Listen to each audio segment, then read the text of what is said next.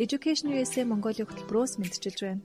Бид энэхүү цуглал подкастаараа дамжуулан Америкийн нэгдсэн улсад дэлхийд тэргуулах боловсрол эзэмшээд их орондоо иргэн ирж мэрэгжлэр салбар салбартаа манлайлан ажиллаж буй Монгол залуусын түүхийг хүргэж байхаар боллоо. Та бүхэн бидний бэлтгэсэн ярилцлагыг 7 хоног бүрийн даваа гаргуудад хүлээн авч сонсоорой. Сайн байцгаана эрхэм сонсогчдоо Education USA Mongolia болон Масагаас эрхлэн хүргэдэг Америкт суралцсан миний түүх подкастын энэ удаагийн дугаар эхлэхэд бэлэн боллоо. Зочноор Flex хөтөлбөрийн төгсөгч Уянгаа маань оролцож байна. Тэгээд бидний урилгыг хүлээж авсанд баярлалаа Уянгаа. Өөрийгөө манай сонсогчдод танилцуулахгүй юу? За баярлалаа. Өдрийн минь намайг Уянгаа гэдэг. Би Flex хөтөлбөрийн 2020 оны төгсөгч байгаа. За Америкийн нэгдсэн улсын Idaho мужийн Намба хотын Намбахлах сургуульд суралцаад ирсэн. Яг суралцсан мужийнхаа талаар нэг мэдээлэл өгөөд эхлэдэг үү? За тэгье. Сая гэснээр Idaho мужийн Намба хотод суралцаад ирсэн байгаа. Idaho муж маань болохоор айгүй гоё олон онцлогтой л да юу вэ гэхээр айгүй гоё үзэсгэлэнт байгальтай. Тэгээ миний бодлоор айгүй гоё хөгжил цэцэглэлтэй ингээ байдаг мөртлөөс хажуугаар бас айгүй тийм гоё онгон зэрлэг байгальтайгаараа онцлогтой. За энэ мужид болохоор ерөнхийдөө Америк нэгдсэн улсын баруун хойд Номхон надлын бүс нутагт байдаг муж хамгийн том нийслэн Бойси гээд миний амьдарч исэн Нампа хотоос 20 минутын зайтай байдаг байсан. Хүнамийн хувьд бол ерөнхийдөө хитрхи том тийм биш ерөнхийдөө бол дундын жижиг хотуудын нэг байсан. Сургуулийн үгдэх юм бол за ерөнхийдөө хотынхоо хамгийн том сургууль нэсэн 1901 онд байгуулагдсан бүр хамгийн одоо хуучин сургуулиудын нэг байсан олон жилийн түүхтэй. За тэгээд айгүй том спорт тэр дундаа хөлбөмбөр их алдартай сургууль байсан. Танаа сургууль одоо зарим сургуулиуд шиг ахлах сургууль, бага сургууль, дунд сургууль гэж ангиллагддаг байсан уу? Эсвэл одоо 1-р ангиас 12 дугаар анги хүртэлх хүүхдүүд хамт хичээлээ аваад ингэ явдаг байсан уу? Тэг ангиллагддаг байсан. Ерөнхийдөө high school, middle school гэж байдаг. Манай болохоор freshman-ээс дэшиж 9, 10, 11, 12 дугаар ангийнхан суралцдаг. Зөвхөн high school нээсэн. Тэгсэн мөртлөөс бүр амар том. Манай Монголоос нэлээд ялгаатай том байсан бүр. За, flex хөтөлбөрийн талаарх мэдээллийг ер нь хамгийн хаанаас олж сонсч байсан бэ?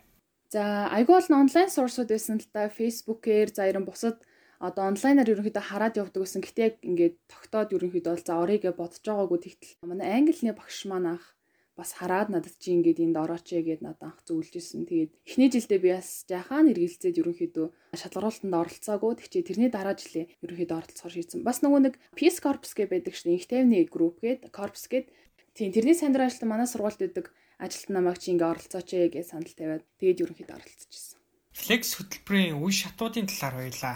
Өмнөх дугаарууд дээр ч гэсэн манай Flex-ийн маань оролцогчид энэ талаар ярьж исэн. Тэгээд яг чамааг оролцож байх үеийн 2020 онд Flex хөтөлбөрийн үе шат шалгуурууд нь ямар хөө байсан бэ? За 20 онд тэгэхээр ерөнхийдөө би 19 онд шалгалт өгсөн гэсэн үг шүү дээ. А 19 онд болохоор 3 үе шаттай байсан. Эхний үе шат нь болохоор ингээд 16 минутанд илүү 15 асуултанд хариулдаг. Ерөнхийдөө basic English одоо ерөнхий л английн асуултууд үүдэг. За тэгчээ дараа нь эссе бичдэг гэсэн тэр шатнаа тэнцвэл эссе бичдэг. За цаг 30 минутын хугацаанд санагдаж ин ерөнхийдөө нэлээд урт параграфууд эссе бичдэг. За тэгээд тэрнийхээ дараа тэр шатандаа тэнцжүүл дахиад а ерөнхийдөө одоо нөгөө нэг сонсгол унших гээд ерөнхий шалгалтуудыг дахиж нэг удаа аваад тэгээд ярилцлах нь оролдог байсан. За тэгээд application form мэдээж тэрнийхээ дараа хэлгэнэ reading тэгээд listening-ийн тэр шалгалтууд нь ер нь яг ямар хөө байдаг байсан бэ? Та хэдийг одоо жишээ нь манай уянгаа чинь усаас оролцож байгаа тий. Аа. Тэгэхэд заавал Улаанбаатар руу ирээд шалгалтаа өг гэдэг байсан уу? Эсвэл онлайнаар тухайн үед шалгалтаа өгч ирсэн үү?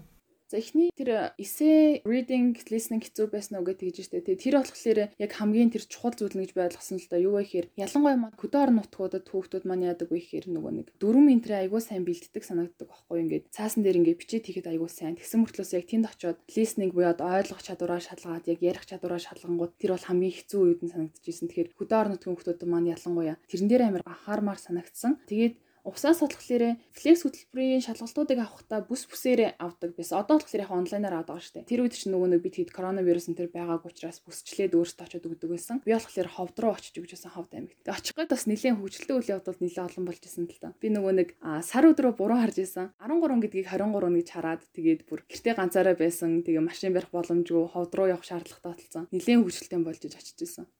А сайн нөгөө бүсчилсэн гэж ярьлаа. Ер нь аль аль аймагуд нь ямар бүсд хамаардаг юм бол магадгүй одоо флекс хөтөлбөрт бэлдэж байгаа маш олон орон нутгийн сурагчид байгаа. Тэр сурагчид маань одоо би яг аль бүсд хамаарах юм болоо гэж бодож иж магадгүй. Уянгагийн орж байгаа 2020 онд флексийн яг тэр бүсчлэл ямар хуу байдалтай байсан бэ?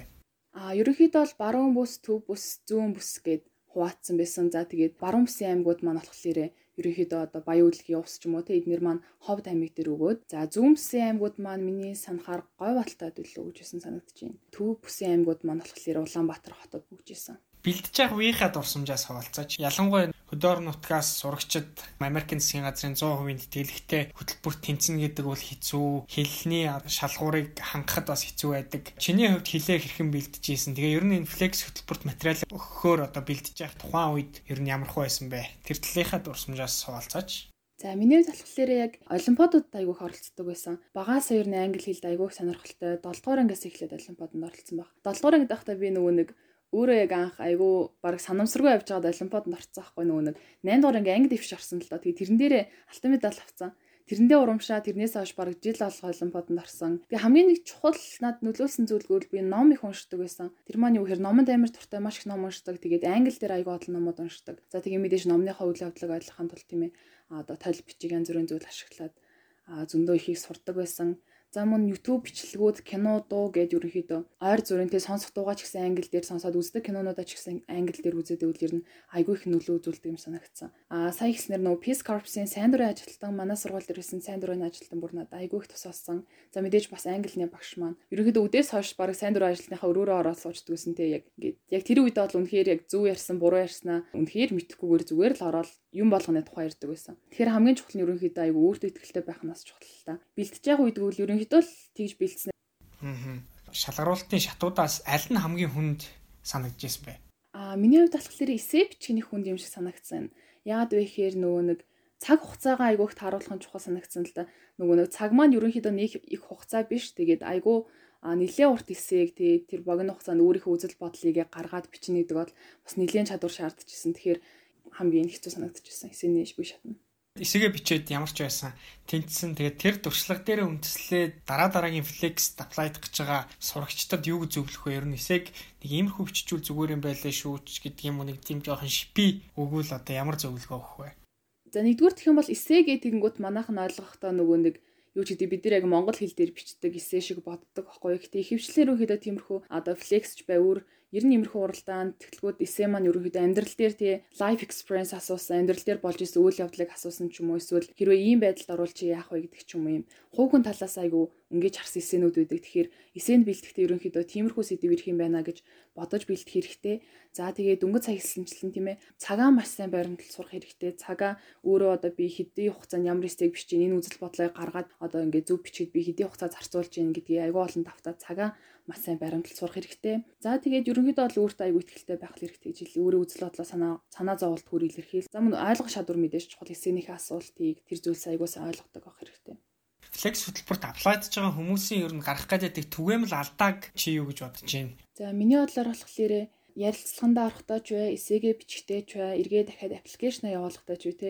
Энэ бүх процессүүд дээр өөрийнхөө бөгөөд айгу үнэн байх нь чухал л да. Ягаад вэ гэхээр нэгдүгээр манай хүмүүс маань өө би өст англи дээр айгүй сайн харах хэрэгтэй. Би айгүй мундаг хүн байх хэрэгтэй. Тэгжээж тэнцэн гэдээ ойлгодог. Гэтэ яг үнэндээ болохоор айгүй өөрийнхөөрөө үннээрээ бичээд за тэгээд мэдээж англи хэл бол шалгуур а гэхдээ ерөнхийдөө хувийн талаас ч айгүй сайн хардаг учраас манайх нь яг өө би англитэй айгүй сайн лаг тийм учраас тэнцчин гэж ойлгохгүйгээр хувийн талаас айгүй сайн бэлтгэх хэрэгтэй. Одоо нийгмийн үйл ажиллагаанууд оролцдог ч юм уу өөрийгөө айгүй гоё илэрхийлээ сурчдаг ч юм уу тийм зүйлс талаас бас айгүй бэлтгэх хэрэгтэй гэж ойлгодог. За тэгээд дахиад хэлсэнчлэн цагаа маш сайн баримт сургалтад сурах хэрэгтэй эсэ болоод тэр шалгалтынхаа явцад. Уянгагийн хувьд флекс хөтөлбөрт хамрагдахаас өмнө олон нийтийн байгууллагын үйл ажиллагаанд оролцдог байсан уу? Ер нь бол тиймэрхүү зүйлд айгүй идэвхтэй байсан. Тэгээд миний хувьд одоо флекс тэнцэгэд тийм нөлөөсөн зүйлүүдийн нэг маань бол тэр гэж боддог. Юу вэ гэхээр нийгмийн айгүй идэвхтэй байсан. Нийгэмд айгүй сонирш сантайсалтай ингээ ямар нэг энэ тэнд үйл ажиллагаа болж үлнаад баг хамаатай чамаагүй ингээ явж оролцчихдаг тий. Тэгээд аль болох үе тэнгийнхэн дундаа гой гой үйл ажиллагаа зохион байгуулахыг боддог байсан. За тэгээд английнхаа багш Peace Corps-ийнхаа сайн дур ажилтнтай айгуу татна байсан. Тэр хоёртойгоо нийлээд айгуу олон үйл ажиллагаа зохион байгуулахыг боддог байсан. Нөгөө нэг MOLS гээд Mongolian Outdoor Leadership Seminar гээд бас болж байсан. Тэр маань юу гэхээр нөгөө нэг Монголын 21 аймагаас охтуудыг авчираад хотод ингээ гоё тийм сургалтанд оруулж исэн семинарлаа Peace Corps зохион байгуулагдчихсан. Тэр нь жишээлбэл оролцож исэн ч юм уу те. Тиймэрхүү зүйлсд айгүйх ордог байсан. Ер нь бол ингээд ямар ч тэтгэлэг тэнцсэн хүмүүс тэнцснийхээ дараа за би нэг иймэрхүү юм а эсээгээ ч юм уу эсвэл би шалгалтын дээр өндөр оноо авчаад ч юм уу эсвэл би одоо олон нийтийн байгууллагын үйл ажиллагаанд оролцдог байсан учраас намайг авч буудаа гэсэн нэг тийм таамаглалтай байгаад идэг штэ тий. Уянгагийн хувьд ер нь ямар даваа тал байсан учраас флекст тэнцүүлсэн байх гэж боддог бай. За мэдээж англиэн дээр ерөнхийдөө сайн бэлддэг байсан англиэн дээр ерөнхий одоо мэдлэг сайн байсан маа мэдээж нөлөөсөн гэж боддог. Нэгдүгээр за хоёрдугаар гэх юм бол сая ихлэнчлэн нийгмийн аягүй идэвхтэй байсан маа нөлөөсөн гэж боддог. Тэгээд дээрэсэн одоо би нөгөө өөрийнхөө эсээг бичихтэй тийм ээ одоо хост гэр бүлдээ эсээ бичдэг. За тэгээ багшаас маань ч гэсэн намайг тодорхойлох эсээ ч юм уу тиймэрхүү зүйлс бичдэг. Application form маань айгүй урт байдаг л да. Тэднэр дээр ерөнхийдөө яг 100% үнэн бөгөөд яг өөрийнхөө байж чадсан айгүй их тусалсан байх гэж боддог.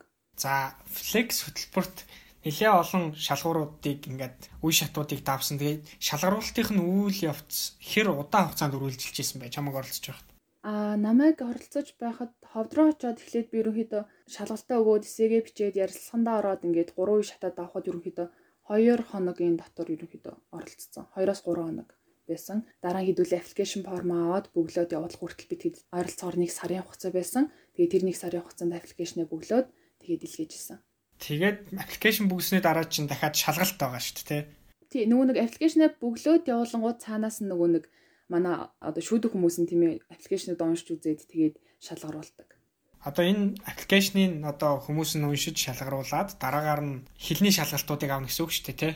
Дараагаар нь бол хэлний шалгалтууд авдаг байгаа. Эхлээд нөгөө нэг хэдүүлээ ховдод очиод би эхний 3 хоног шалгалтаа өгсөн гэсэн шүү дээ. Тэгээд эхний 3 шатанда тэнцсэн тохиолдолд та аппликейшнээ явуулах боломжтой болно гэсэн. Тэгэхээр хэлний шалгалтууд ир бүхсүүлээ тэнцчээд тэгээд аппликейшн бичих хэрэгээ аваад тэгээд аппликейшнээ явуулаад тэндээсээ шалгардаг.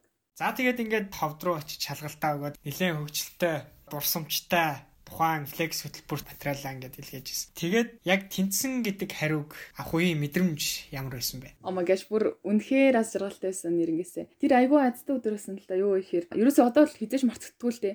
Би нөгөө нэг олимпиаданд ордог ярьж ирсэн шүү дээ сая. Тэгсэн чинь тэр өдөр болохлээрээ олимпиаданд оролцоод тэгээд медаль авч явж ирсэн аахгүй юу? Тэгчээд яг гэрлөөгөө харж исэн. Тэгээ дүүтэйг явж исэн. А манай бус гэрийнхэн маань бол байгаагүй л дээ хол явцсан байсан. Тэгээ уцаар залгаад флексээс ирж байна ингээд тэнцсэн байна гэж. Эхлээ би бүр нөгөө хч рүү нэрийн мөхчтэйг бүр үнэхээр итгээгүй бүр гудамжинд явж исэн мөртлөөсөө бүр өсрээд орилоод тэгээ бүр үнэхээр very very happy байсан. Та хамгийн анх хинтэйгээ хуваалцаж байсан бэ? За хамгийн түрүүн гэр бүлийнх нь рүүгээ задлахсан, ээж рүүгээ задлахсан. Тэгээ тэр өдөр манай эгч маань бас нэг уралдаанд оролцож байсан аахгүй хатад. Тэгээд ээж рүүгээ залгаад тэр баяртай мэдийг дуулгасан дараа нь багш руугаа залгаад тэгээд нөгөө нэг их тайвны корпусын сайн дурын ажилтан руугаа бичээд энэ гоё мэдийг дуулгачихсан.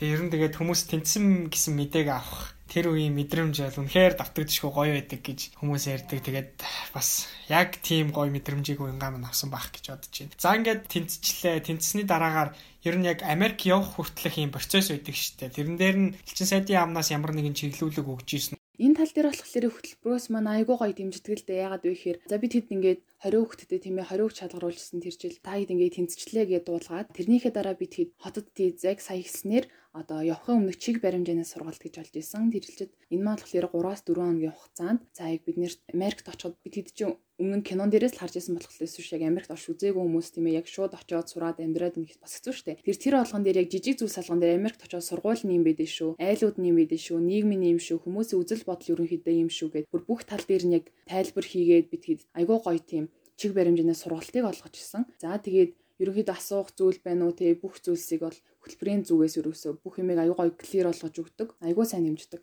За Америкт ингээ очлоо. Очсон үеийн анхны мэдрэмж ямар байсан бэ? Тэгээд анхны гэсэн гоё тодтолтой дурсамжуудаас авалцаж. Анх очоод мэдээж олон яг онгоцны буудлын дээр буухаас эхлэе тийм ээ. Маш олон culture shockтай тулгарч ирсэн ерөнхийдөө. Гүн очингууд айгу ингээ сонирн болчтой юм билээ. Юу гэхээр амар гоё excited байгаад энэ тийм айгу гоё сэтгэл догдолцсон мөртлөөс хажуугаар нь бас нэг тийм шинэ газар уушаас айгу инх шүүс. Айгу сэтгэл төвшөлтэй тий бас ингээ ерөнхийдөө яана чад юм уу тий. Яг бүр ингээ гэрээсээ амар хол анхудаа очоод яг бүр үнэхээр ерөнхийдөө тэр явагдаж байгаа процесс итгэхлээ бас нэлээд хугацаа авдаг л та. За тэгээд хост гэр бүл тийм ээ хост сургууль гэж бүх зүйл бол маш өөр байсан маш олон культур шоктой татгалж ирсэн сая хэлснээс за бид хэд чинь үнэн нөгөө нэг Америк ногоор төсөөлдөгтэй Америкийг гэтэл яг очиод үзэнгүүд орчин сургууль хүүхдүүд гээд бүх зүйл нь бол маш өөр байсан. Гэтэ ерөнхийдөө сургуулийнхан маань за тэгээ гэр бүл маань бүх хүмүүс айгуу гоё найрцаг дотноор хүлээж авсан л да ерөнхийдөө Америкчүүдийн нэг зан тийм айгуу гоё подлайт илдэг. Тэгээд жил анхны өдрөө бид үндэсний хугацаа өмсөж очиж байсан аахгүй юу.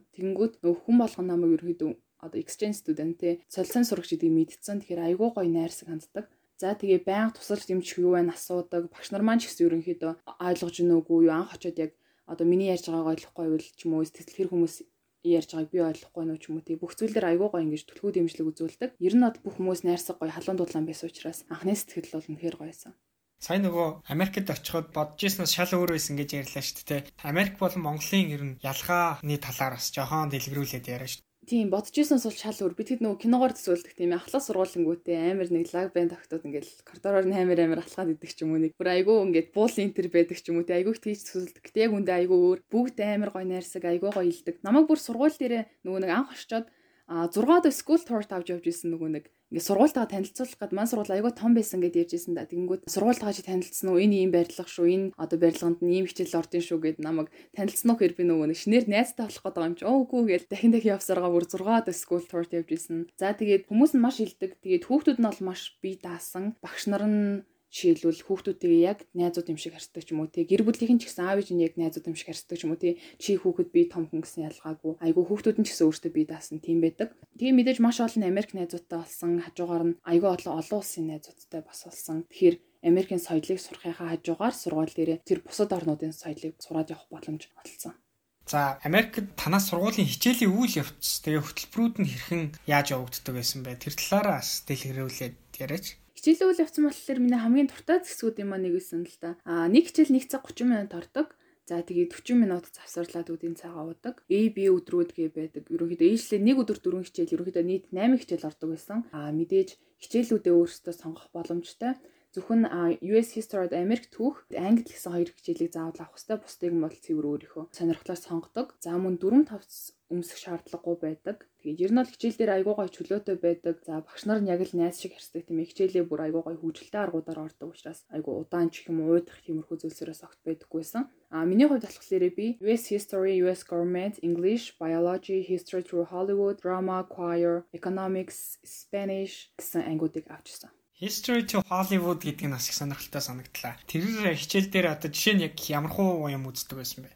Энэ нөгөө саяны ялгаан дээр ярьжсэнчлэн хичээлүүд маань айгүй фан вэйэр ордогтэй ингээд History to Hollywood гэг анги маань болохоор юу байсан бэ гэхээр бид хэд кино үздэг анги бүр миний хамгийн дуртай анги байсан юу гэхээр ороод айгүй гоо ингээ ангиараа дөрөв буудан тавьсан. Тэгээ тэн дээрээ багш нь ингээд бид хэд хичээл орох болгонд попкорн чихэр өгдөг. За тэгээ бид хэдийг Холливуудын түүхтэй холбоотой кинонуудыг үзүүлдэг. За тэгээ жишээлбэл Миний тэр айгүй гой санагсан юу гэхээр бид хэд жишээлбэл өө төдөн тийм зүйл болсон юм а, ийм зүйл болсон юм а гэд заахын орон жишээлбэл зүгээр одоо холбоотой киног нь үзүүлчихэд бид хэд айгүй сайн ойлгодог байсан байхгүй. Тэр тэр анги бол тэр 100% яг зөвхөн тэр кино үздэг анги байдаг ч гэдэг ч юм уу. За эсвэл өөр манад жишээлбэл cooking class гэж байдаг гэсэн. Би нөгөө нэг хайлт ороод гарсан л тэр класс руу хоол хийдэг анги жишээлбэл зөвхөн тэр анги руу ороод шинээр хоол хийж сурдаг. А эсвэл хүүхэд take care хийдэг одоо ирээдүйд ээж ав болоход нь бэлддэг анги гэж байсан. Тэр маань жишээлбэл ингээ бүгдээрээ автомат бэйбитэй тэрийг асраад 7 хоног ингээ сургуультай ч гэртээ ч аваад харьдаг. За тэгээ эргээ тэрийгээр дүн гаргадаг ч юм уу тий. Тэр айгуу гоё тийм life experience дээр суурилсан гоё гоё хичээлүүд ордог байсан.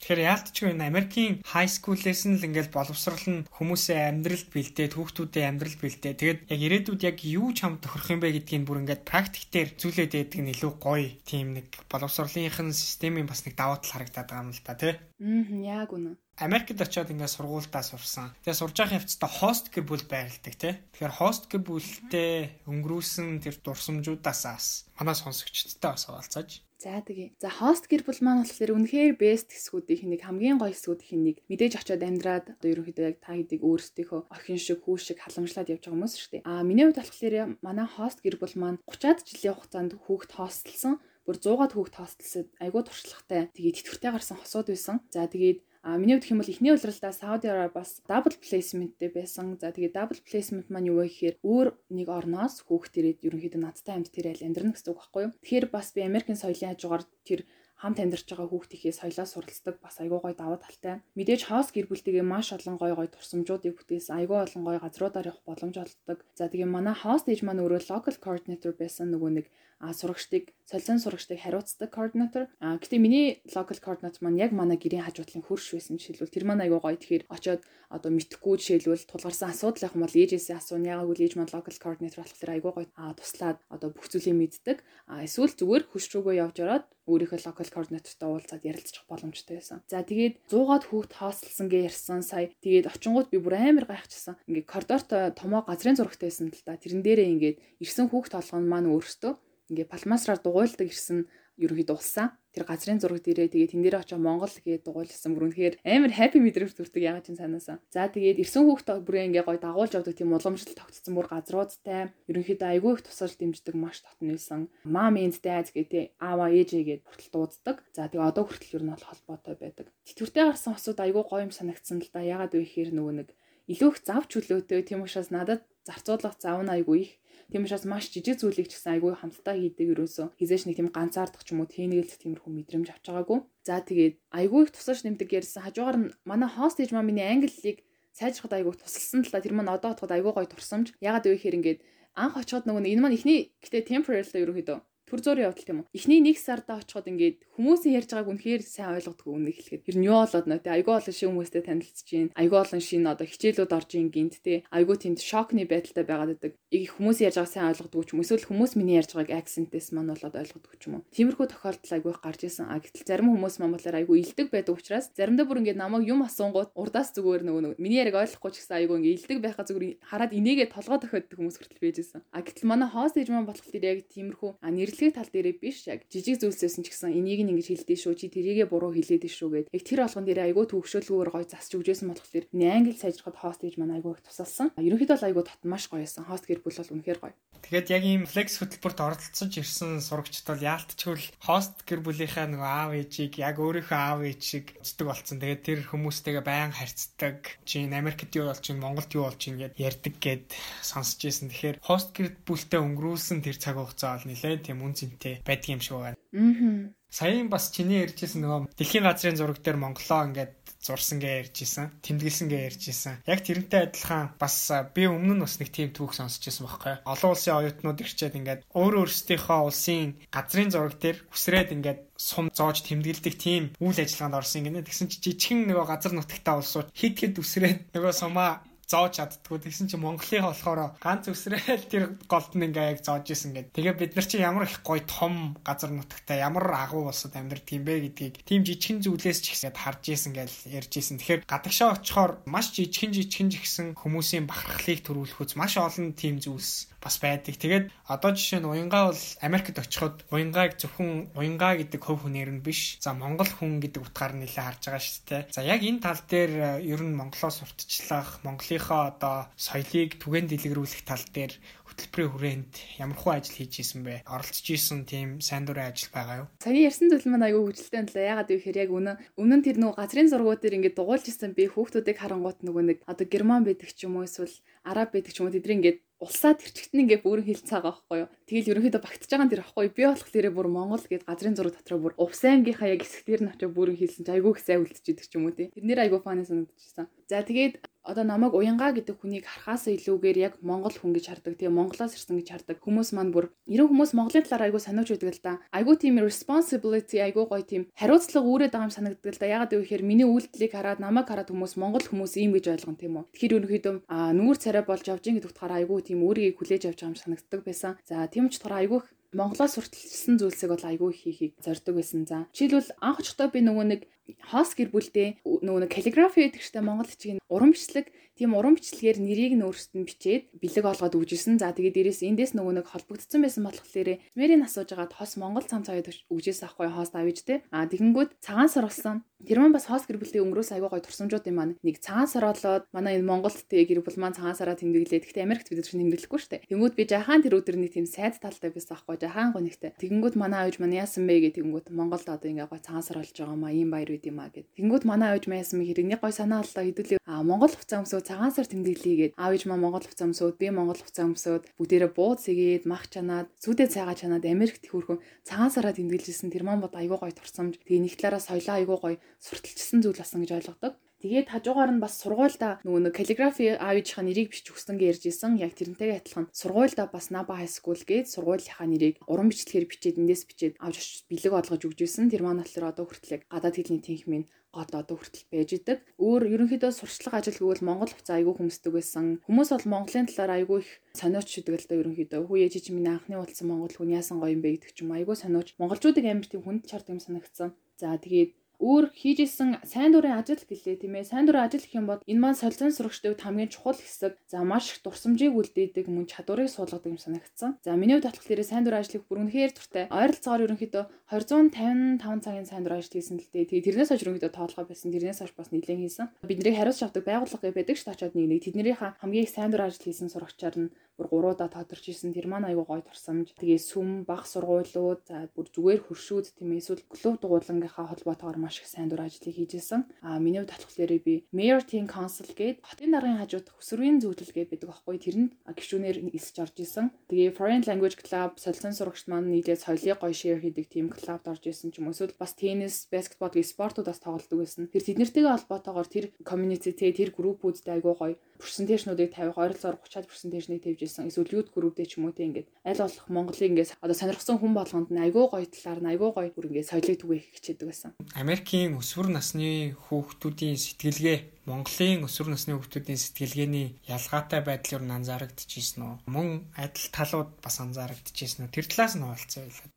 Америк, Монголын өсвөр насны хүүхдүүд мэдээж маш байдаг. За тэгээд сургууль дээрээ ч гэсэн тийсвэл зүгээр жирийн хүмүүс ч гэсэн. За жишээлбэл а сургууль маань яг миний сая нөгөө хэлжсэнаар хичээл орж байгаа хичээлээс эхлээл ялгаатай л да. Миний бодлоор манай Монгол жишээлбэл би тэгэд айгүй сайн тоо ботхыг сурдаг ч юм айгүй гоё ингээд жишлэг, шинжлэх ухаан, биологи, математик, хими амар сайн сурдаг те. Гэтэ яг үндэ би тэгэд жишээлбэл ирээдүйд аав ээж болох ч юм уу эсвэл би тэгэд бэлгийн боловсрол олгох ч юм уу эсвэл сэтгэл зүйн боловсрол олгох ч юм уу тиймэрхүү зүйлсээ хаана тутагтай байдаг. А гэтэл Америк жишээлбэл хүүхдүүд маань яг биднэртэй адилхан адилхан магадгүй амир би статлаг мундаг сурах хэрэгтэй гэд хүүхд толгон суугаад мэд биологоо бодоод идэггүй ч гэсэн одоо жишээлбэл ирээдүйд хэрхэн аав ээж болох вэ ч юм уу эсвэл өөрийгөө хэрхэн зөв илэрхийлж сурах вэ ч юм уу эсвэл хэрхэн хоол хийж сурах вэ гэдэг ч юм уу. Тиймэрхүү life experience-уудын тал дээр айгүй гоё хичээл ордгууд нь маш их ялгаатай гоё санагдсан. Тэгээд мэдээж айгүй их чөлөөт орн тийм үү бид тэр хэд одоо ерөнхийдөө дөрөв төвц өмснө гэж байхгүй ч юм уу сургууль дээр яг айгүй өөрийнхөө байдаг. За тэр маань ихтлээрээ хүүхдүүд маань өөрсдөө илэрхийлэх гой боломжийг олгодог юм шиг санагсан. А гэтээ мэдээж аливаа зүйл дүрм журм байх ёстой учраас бас Монголын их сургуулиуд ахлах сургуулиуд тийм дүрмтэй байдаг нь бас сайн талтай юм шиг санагдчихсэн. За тэгээ дээр дурдсанчлан хүүхдүүд маань гэр бүлтэйг айгүй нээлттэй байдаг. Яг том хүн шиг эцдэг. За тийм учраас айгүй бие даасан бол төлөвштэй юм санагддаг. Яагаад вэ гэхээр Монголд ингээд жишээлбэл гадуур явж байгаа ч юм уу элдв янзын байгууллагаар үйлчлүүлээд явж байгаа хүүхдүүдийг харахад хөвчлэн өсвөр насныхан маань аав ээжээ дагуулсан ч юм уу явж идэх юм уу гэтэл Америк сотлоор хүүхдүүд маань амар багаасаа би даасан болцроод яг 14 наснаасаа жолооны үнэлгээ аваад ч юм уу тийм машин барь явдаг ч юм уу. Би очиод бүр айгүй шокнд орчихсон. Тэрийг хараад а гихчийн айгүй би даасан болдог нь маш гой санагдчихсан. Мөн diversity ялгаатай талуудыг маш гой ойлгож авдаг. Одоо жишээлбэл хүмүүсийн айгүй өөр өөр байдлуудыг өөр өөр улсуудын хүмүүсийг ч юм арьс өнгөний ялгааг ч юм уу эсвэл бэлгийн чиг хандлагыг ч юм уу эднэрийг айгүй яг хүмүүсийг өөр өөр нь хүлээж авдаг нэг тийм амар хүнийг шүүх үзэлэх баг байдаг нь ялгаатай тийг айгүй гой санагдчихсан. Америкт одоо сурж исэн тэр хай скулээсээ нэг хамгийн гоё таалагдсан юм авцраад Монголын хай скулд нутагшуулах юм бол яг юугийн чи сонгож нутагшуулах байсан бэ? Аа юм бол би штэ ордог нэгдвэл хичээлүүд ерөнхийдөө клуб дугуйлангуудыг нь авчрах байсан. Ягаад вэ гэхээр тэд нар маань хүүхдүүдийг яг таны хэлснээр өөрсдөө айгүй гой нээх боломжийг олгоод байгаа байхгүй. Ягаад гэхээр Монгол жишээлбэл намайг чи заавал 18 хичээлээ хэрэгтэй ч юм уу тийм ээ би хичээлээ сонгодоггүй эсвэл клуб дугуулна байлаа гэхэд нэг саксны дугуулна ч юм уу одоо нийтийн сургуулиуд ч тийм паблик скуулуудад одоо саксны дугуулна ч юм уу болиулын дугуулна л гэдэг тийм үү. Гэтэл яг Америк талхлаарэ. Заавал одоо ч нөхөн болгон математикч болох албагүй гэдэг шүү дээ яг л тэр жишгээр чи заавал энэ хичээлээ үүсэх өсгөө чиний ирээдүйн чинь хэрэггүй бол чи өөртөө хэрэгтэй хичээлээ сонгоод үзээ гэдэг нь айгүй гой таалагддаг. Хүүхдүүд маань өөрийнхөө хүсэл сонирхлоор явж байгаа айгүй тийм боломжийг нээж өгдөг санагддаг. А тэгээд За клуб дугуулангын хувьд яагаад хийжсэн бэ гэхээр бүх төрлийн спорт байдаг. Дээрээс нь зүгээр одоо жишээлбэл сэтгэл зүйн тал дээрээ жахан асуудалтай байгаа хүүхдүүд маань хүртэл цуглаад юм яриад одоо гоё хоорондоо харилцах боломжийг олгодог хүртэл клуб дугуулангууд байдаг байхгүй. Тэр маань юу ихэр хүүхдүүд маань айгүй гоё өөр ялгаатай байдлыг нь гоё нэгсэндээ өөрийгөө шүүх, бусдыг шүүх тийм зүйлс байхгүй болгож өгж байгаа. За тэгээд дээрэс өөрийгөө илэрхийлэхийг нь айгүй гоё боломжийг нь олгож байгаа ч юм уу тий. А тэгэхээр тэр клуб дугуулангууд тэг хичээлийн сонголтуудыг нь авчрах байсан. Уянгагийн хувьд флекс хөтөлбөрөөр 11 дугаар ангитай явсан тий.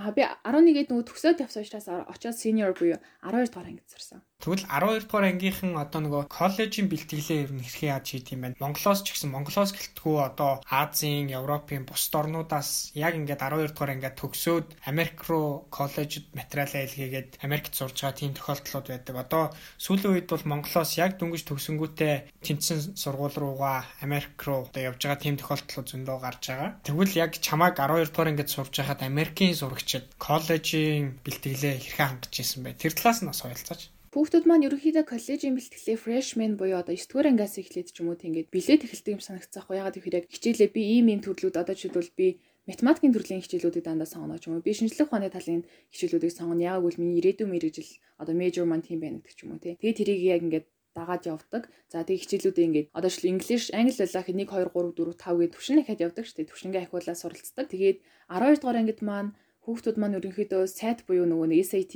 шалгалтандаа бэлддэг. За тэгээд дээрээс нь senior projects-уудыг хийдэг. Төгсөг ангийн project гэсэн үг шүү дээ. Одоо тэр төслөө хийгээд багш нараасаа дүнгээ авч иж ерөнхийдөө төгсөг боломжтой шалгууруудын нэг гэдэг. За тэгээд одоо коллежүүдэд apply хийгээд айгүй эртнээс apply хийж эхэлдэг. Намраас эхлээд баг 12 дугаар ангид орсон намраас эхлээд шууд apply хийгээд эхэлдэг. Тэнцнийхээ дараа financial aid буюу нөгөө нэг тэтгэлгүүдээ хэдүүлээ хөөцөлтөөд явдаг. Ерөнхийдөө бол айгүй хичээж бэлддэг юм санагддаг. Тэгээд зорилгууд нь миний бодлоор амар тодорхой юм шиг санагдсан. Яагаад вэ гэхээр ингээд зарим нэг хүүхдүүд маань мэрэгчлээ 12 хүртлээр сонгоогүй ч юм уу те. За ерөнхийдөө иймэрхүү их сургуульд ороод тэгээ цаашлаа болох байлгүй тэгээ боддог. Гэтэл яг би ингээд 12 дугаарын найзуудаа харж яхад Америкт харж яхад яг би ийм хүн болно тийм учраас би яг ийм одоо төсөл хийгээд ийм одоо дүүн аваад яг энэ сургуульд ороод ийм ээж уртаална гэдэг айгу тодорхойлцсон байдаг юм шиг санагдсан. Тэр нь айгу их таалагдсан.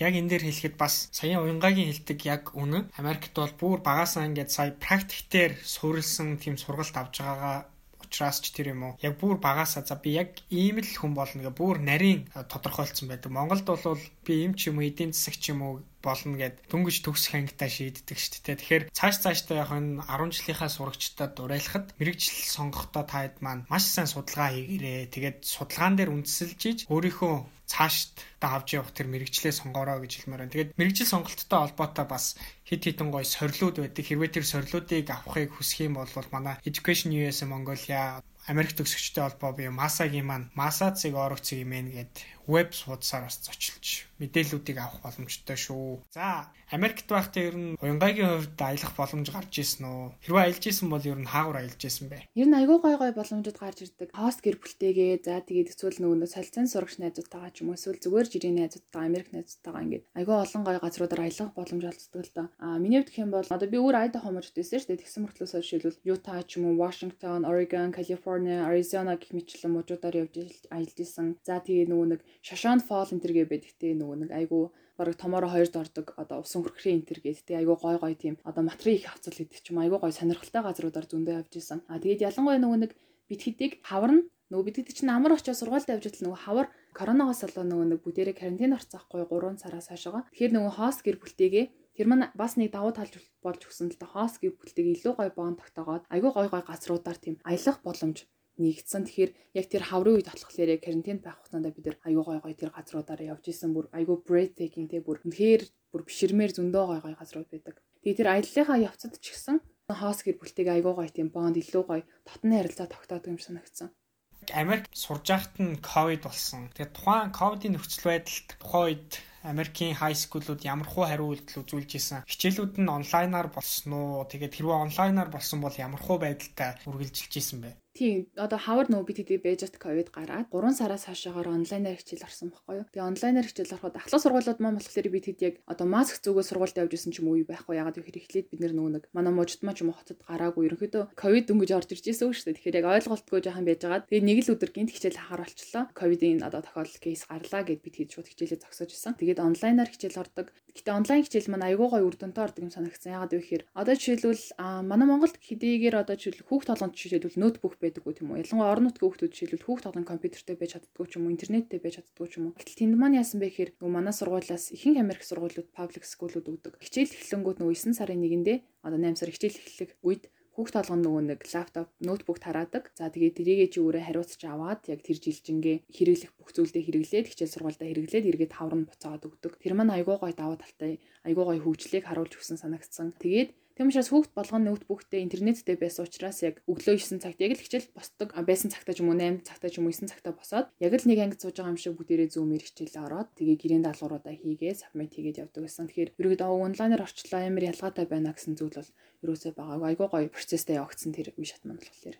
Америкийн засгийн газрын Flex гэж хөтөлбөр 100% тэтгэлэг гэж ярьдаг шүү дээ. Тэгэхээр яг юу юуг нь coverлж исэн мэдээлэл өгөж зарим сурагчид бол за би энэ хөтөлбөрт оролцох юм бол ер нь юу юугаа даалгах юм, ямар зардлууд надаас гарах юм, ямар зардлууд Америкийн одоо элчин сайдын яамнаас гарах юм ч гэдэг юм уу. Тиймэрхүү одоо бодолтой байгаа байх. Тэгэхээр тэр хүмүүст нь зориулаад нэг сайхан юм тайлбар хийж. Тэгэхээр ерөнхийдөө Flex хөтөлбөр Америкийн засгийн газрын тэтгэлэг хөтөлбөр энэ маань бол үнэхээр тэр чигээрэл боломж шүү гэж хэлмээр байна. А яагаад гэвэл жишээлбэл cover хийсэн зүйлийн талаар яриа л да. Бид хэдэг явхад энэ хөтөлбөрөөр нислэгийн зардлыг даадаг. За тэгээд очоод байршуулах одоо байгууллага айл тийм үү очоод байх бүх зүйлсийг нь даадаг. Тэр одоо зохион байгуулах үйл ажиллагааг явуулдаг. За тэгээд сар бүр стипенд өгдөг нөө 125 долларын стипенд өгдөг. Дахиад нэг удаагийн 300 долларын стипенд өгдөг энэ маань юу вэ гэхээр очоод жишээлбэл хичээлийн хэрэгслээ ч юм уу эсвэл үйл намрын хуцаа ч юм уу ингээ хэрэгтэй зүйлдээ зарцуулаарай гэдэг нэг удаагийн 300 долларын стипенд өгдөг. За тэгээд мөн эрүүл мэндийн даатгал болон эрүүл мэндтэй холбоотой. За шүднээс асуудлаас бусад бүх эрүүл мэндтэй холбоотой бүх асуудлыг нь даадаг.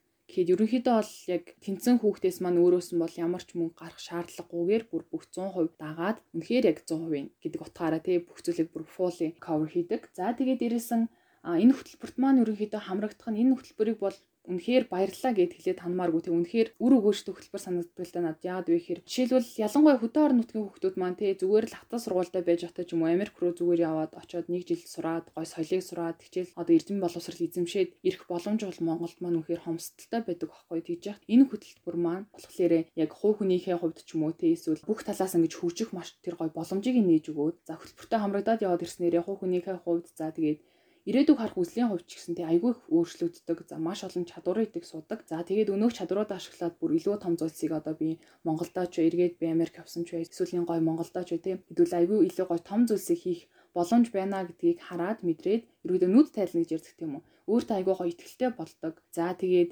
Дэлхийд даяар маш олон орны найзуудтай бодлого айгүй гоё харилцааг тогтоох боломжийг олгодог. За тэгээд хост гэр бүл маань байна. Одоо хост сургууль маань ч юм уу тий. Тэд нар тэг яг дэлхийн нөгөө зах байгаа хүмүүстэй үнэхээр гоё нэнд нь мартагдахааргүй гоё дурсамжуудыг бүтээж гоё харилцаа холбоог тогтоох боломжуудыг өгдөг ерөнхийдөө бол бидний ирээдүй болоод бид хэдийн одоо хөгжиж буй энэ явцад айгүй маш том өөрчлөлтүүдийг оруулдаг тэр том хүчин зүйлүүд нэг нь болж өгдөг гэж санагдсан. За уянгагийн хувьд Америкт очоод ямар нэгэн тийм cultural shockтай тулгарч ийсэн нь Яг дээр нөгөө нэг дурдсанчлан тэгээ айгүй их culture shock таардаг бүр онгоцны буудал буусан цагаас эхлээд гэж ярьсан тийм ээ. Айгүй олон соёлын шокуудад таарж исэн. За жишээлбэл яг дөнгөж жишээл хамгийн түрүүний жижигхэн жишээ татгаад би онгоцны бодлоос хост гэр бүл маань намайг ирээд авч ин тийм ээ аваад хост айлдаа анхуд очоод тэнгүүд Монголд маань хүмүүс маань яадаг вэ гэхээр бид хэд нөгөө гэрлэг барахтаа гутлаа тайлдаг штеп. Гутлаа тайлаад ордог тийм үү. А гэтэл нөгөө нэг Америк толгох зэрэг манай хост айл маань жишээлбэл ингээ яг битүү цав цаа өнгөө мөр хөвстэйс аахгүй. Тэгсэн мөртөөсөө тэгээ бүгдээрээ гадуур алхчихсан гуталтайгаа тэрчт яваад орцсон. Би бүр oh my gosh no тэ. Тэрнээс эхлүүлээд бүр айгу тийжээсаа нөгөөд мө шууд тэрнтэйгээ буудан дээрээ гар ивчдэг ч юм уу тэ. Би бүр бүр ингээ нөгөө амар их сурцсан зүйл болохоор энд би тэ 17 жил 18 жил хутлаа тайлаг ирлэг орсон шүү дээ. Тэгтэл очоод нөгөөд чи цав цаа ивсэн дээр яваад орчингууд би бүр oh my gosh гэж боддог ч юм уу тэ. Тиймэрхүү айгу хөвчлээ тохиолдлууд айгу байсан л та. Тэгээд манай Монгол маань айгу их тийм stereotype ихтэй тэ. Жишээлбэл би тэгэд сүү газар тусаахан бол нөгөө нэг ингээд хундаа өрөвдөх ч юм уу. Эсвэл нөгөө нэг бид нэгнийхээ хөлнөр гიშгээр ингээд гар өрдөхтэй танихгүй юмсан ч гудамжинд хөлнөр гიშгчүүл гарын ингээд зүгээр тэгж чолог юм шиг барай авчдаг юм уу. Тэгтэл жишээлбэл манай сургууль дээр жишээлбэл санамсаргүй хөлтмний хөлнөр гიშг тэгт би шууд гарнаас нөгөө нь өөр ирэхгүй айгу дадлаа болтошоос барай таван нөгөөд ч юм уу гайхаад чи яагаад байгаа юм би ч юм уу те тиймэрхүү хөвчлөлтэй стереотипоос болоод айгу их тийм үйл явдлууд айгу тохиолддог байсан нэлээд тийм хөвчлөлтэй тохиолдлууд гарч исэн байна хөтөлбөрөө дуусгаад Монголд ирсэн. Тэгээ Монголд ирсний дараа ямар боломжууд нэгдсэн бэ? Тэр талаас бидэнтэй олзохгүй. Яг дөнгөж цаг эхэлсэнчлэн энэ хөтөлбөр юм бол тэр чигээрэл боломж яагаад вэ гэхээр Америк руу очлоо, Америк татлах сургуультай сурлаа, гоё соёлыг сурлаа, эргэж ирээл одоо ингээд чи болцсон гэсэн юусоо зүйл өгдөггүй. Яагаад вэ гэхээр Flex alumni хөтөлбөрүүд гэдэг те төгсөгч болоод ирж гин эргээд Flexis маань бид нартэй байнга холбоотой байдаг. Бид хэдийг одоо ийм ийм боломжууд биш үү та хэд оролцох ч юм уу те. Зарим сурагч маань бүр ингээд одоо гадаад руу яваад ч юм уу гоё гоё тийм програмууд бол оролцох боломж олддог. Жишээлбэл одоо би Увс аймагт CR буюу нөгөө хотынхоо төлөөлөгч гэдэг багхгүй Увс аймгийн. Тэгээ тэр позишн ашиглаад жишээлбэл эргээд Увс аймагт American Corner Office гээд байгаа энэ гоё төвүүдтэй ч юм уу ингээд бус сургуулиудаа ч юм уу тэргээд нөгөө сурж мэдсэн зүйлээ гоё share хийхтэй мэддэг зүйлсээ бусдаа гоё хуваалцах хүүхдүүд маань шийдвэл speaking club явуулдаг ч юм уу тий. Одоо жишээл би увс аймгаас анх явсан flexer л яг анхны flexer. Тэгээд анх ирээд би ганцхан хүн яваад ирсэн мөртлөөсөө энд ирээд эргээд маш энэ community-дээ маш олон хүмүүс тийм үү зөвхөн ганцхан уянгаа гэдэг хүн ингээд соёлыг сураад ирлээ, ийм ийм зүйлсийг сураад ирлээ гэдгээрээ биш. Эргээд нөгөө нэг соёлоо гоё share хийдгээрээ маш олон хүмүүст нөлөөлж чаддаг учраас энэ маань энэ хөтөлбөрийн маань бас айгүй гоё давуу тал юм болов гэж харддаг л да би. Яриа маань хүндрэлт өгч जैन тэгээд уянгаа маань бас Америкийн нэгдсэн улсын засгийн газрын 100% тэтгэлэгтэй флекс хөтөлбөрт суралцгаар бэлдэж байгаа. Одоо ирээдүйд явъя гэж бодож байгаа төлөвлөж байгаа тэр сурагчдаа хандаж юу гэж хэлэх вэ?